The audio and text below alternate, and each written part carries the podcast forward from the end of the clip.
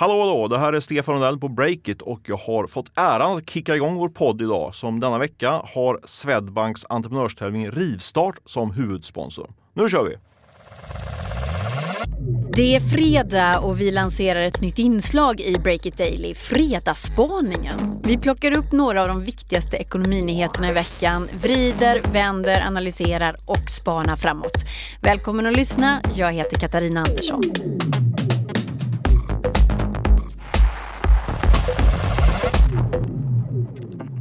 Jonas de Lange, kan du komma in här?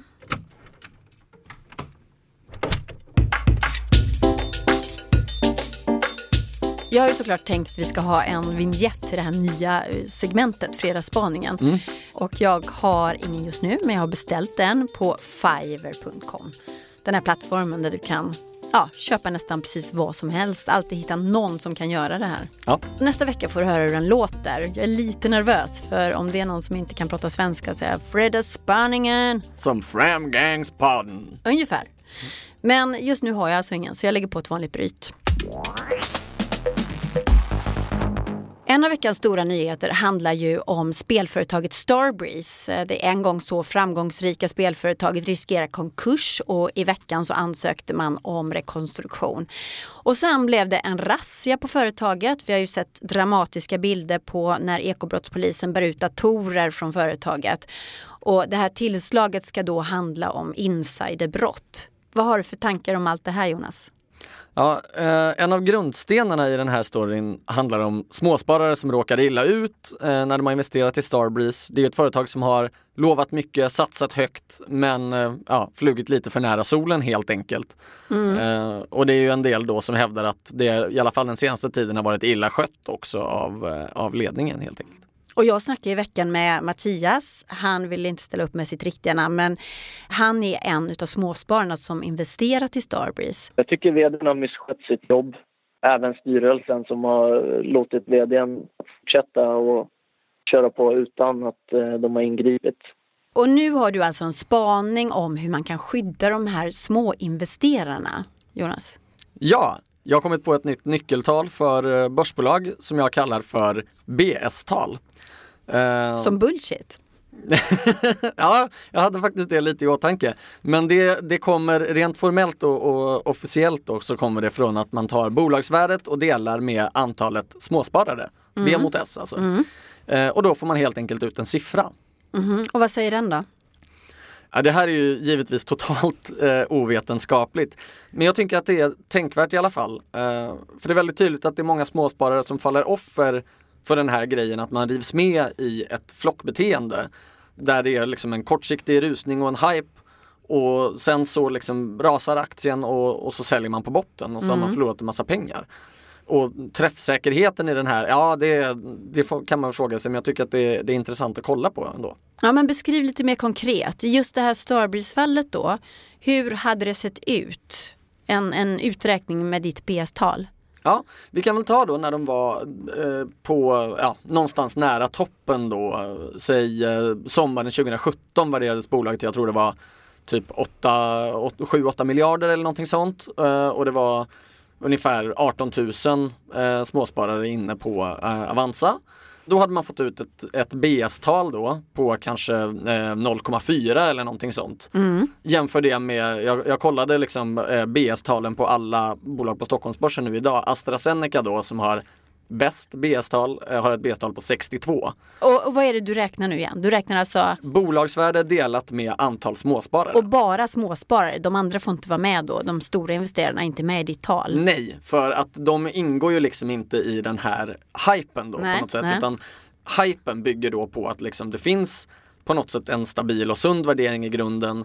Sen så är det för många som får upp ögonen för det här och trissar de upp priset tillsammans genom att bara sälja inom liksom sig. Och så går priset upp, upp, upp och till slut så har man byggt upp så stora förväntningar att alltihop rasar och så, och så sjunker kursen igen. Mm, fast det är ett lite taskigt index för det är ju på något sätt så här ju fler småsparare desto sämre siffra blir det. Ja. Och då och det... är det som att småspararna är de korkade som kommer in sist. Och så kanske det är, jag vet inte. Men det Nej, låter men ju alltså inte all, så... all, heder, all heder till, till privatinvesterare och jag tycker det är jättebra att vi i Sverige är ett av de länderna i världen med liksom mest aktivt sparande i, alltså börssparande hos befolkningen. Mm. För det innebär ju då att alla får vara med, eller i alla fall en mycket större grupp får vara med och ta del av de vinsterna som är på börsen. Däremot så är det ju inte så himla konstigt att folk som har andra eh, jobb på vardagarna inte har tid att liksom lusläsa årsredovisningar och fingranska bolag på samma sätt som de som lyfter skyhöga löner och är, liksom jobbar som analytiker. Mm, och jobbar åtta timmar om dagen med det. Men Ja. då menar du att ditt index skulle kunna hjälpa småspararna och i det här fallet innan då Starbreeze eh, rasade, vad var det för, för index du hade då? Ja, då låg det på ungefär 0,4 då. Oj. Liksom. Man får verkligen ta det här med en nypa salt men jag tycker, att det, jag tycker att det ändå är tänkvärt att titta på. Mm, det är kanske någonting du kan lansera så småningom Jonas. Vi tar en break och tackar vår sponsor som hjälper oss att göra den här podden. Hallå, hallå! Stefan Lundell här, medgrundare på Breakit. Den här veckan sponsras vi av Volkswagen Touareg. Och jag ska vara helt ärlig, jag är inte den som har stenkoll på allt som rör min bil. Men jag älskar innovation, nya smarta lösningar och framför allt, jag är faktiskt otroligt mån om säkerheten när jag kör. Och nu har Volkswagen Touareg tagit fram något verkligt innovativt. De har nämligen skapat ett riktigt coolt system där bilen själv upptäcker faror innan du själv gör det. Det är faktiskt sant. Dyker det till exempel upp ett rådjur från ingenstans på vägen så registrerar bilens infraröda kamera det direkt och larmar mig som sitter vid ratten. Grym teknik helt enkelt. Testa själv en Touareg hos närmaste Volkswagen återförsäljare. Gör det redan idag.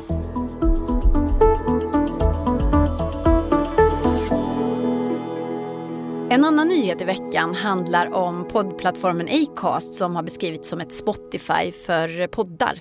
I appen så kan du lyssna på alla favoritpoddar, svenska precis som utländska. Och i veckan så tog Acast in 300 nya miljoner i riskkapital. Och varför är det här en viktig nyhet, Jonas? Det är väl huvudsakligen två saker skulle jag säga. Ett, det är sjukt mycket pengar för ett relativt ungt bolag ändå får man säga.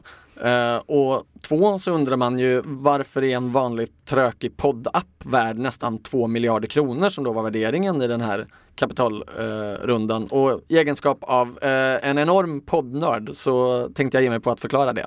Ja, gör det kort bara då. Ja, TikTok. grejen är med Acast är att det är egentligen inte en poddapp. Jaha.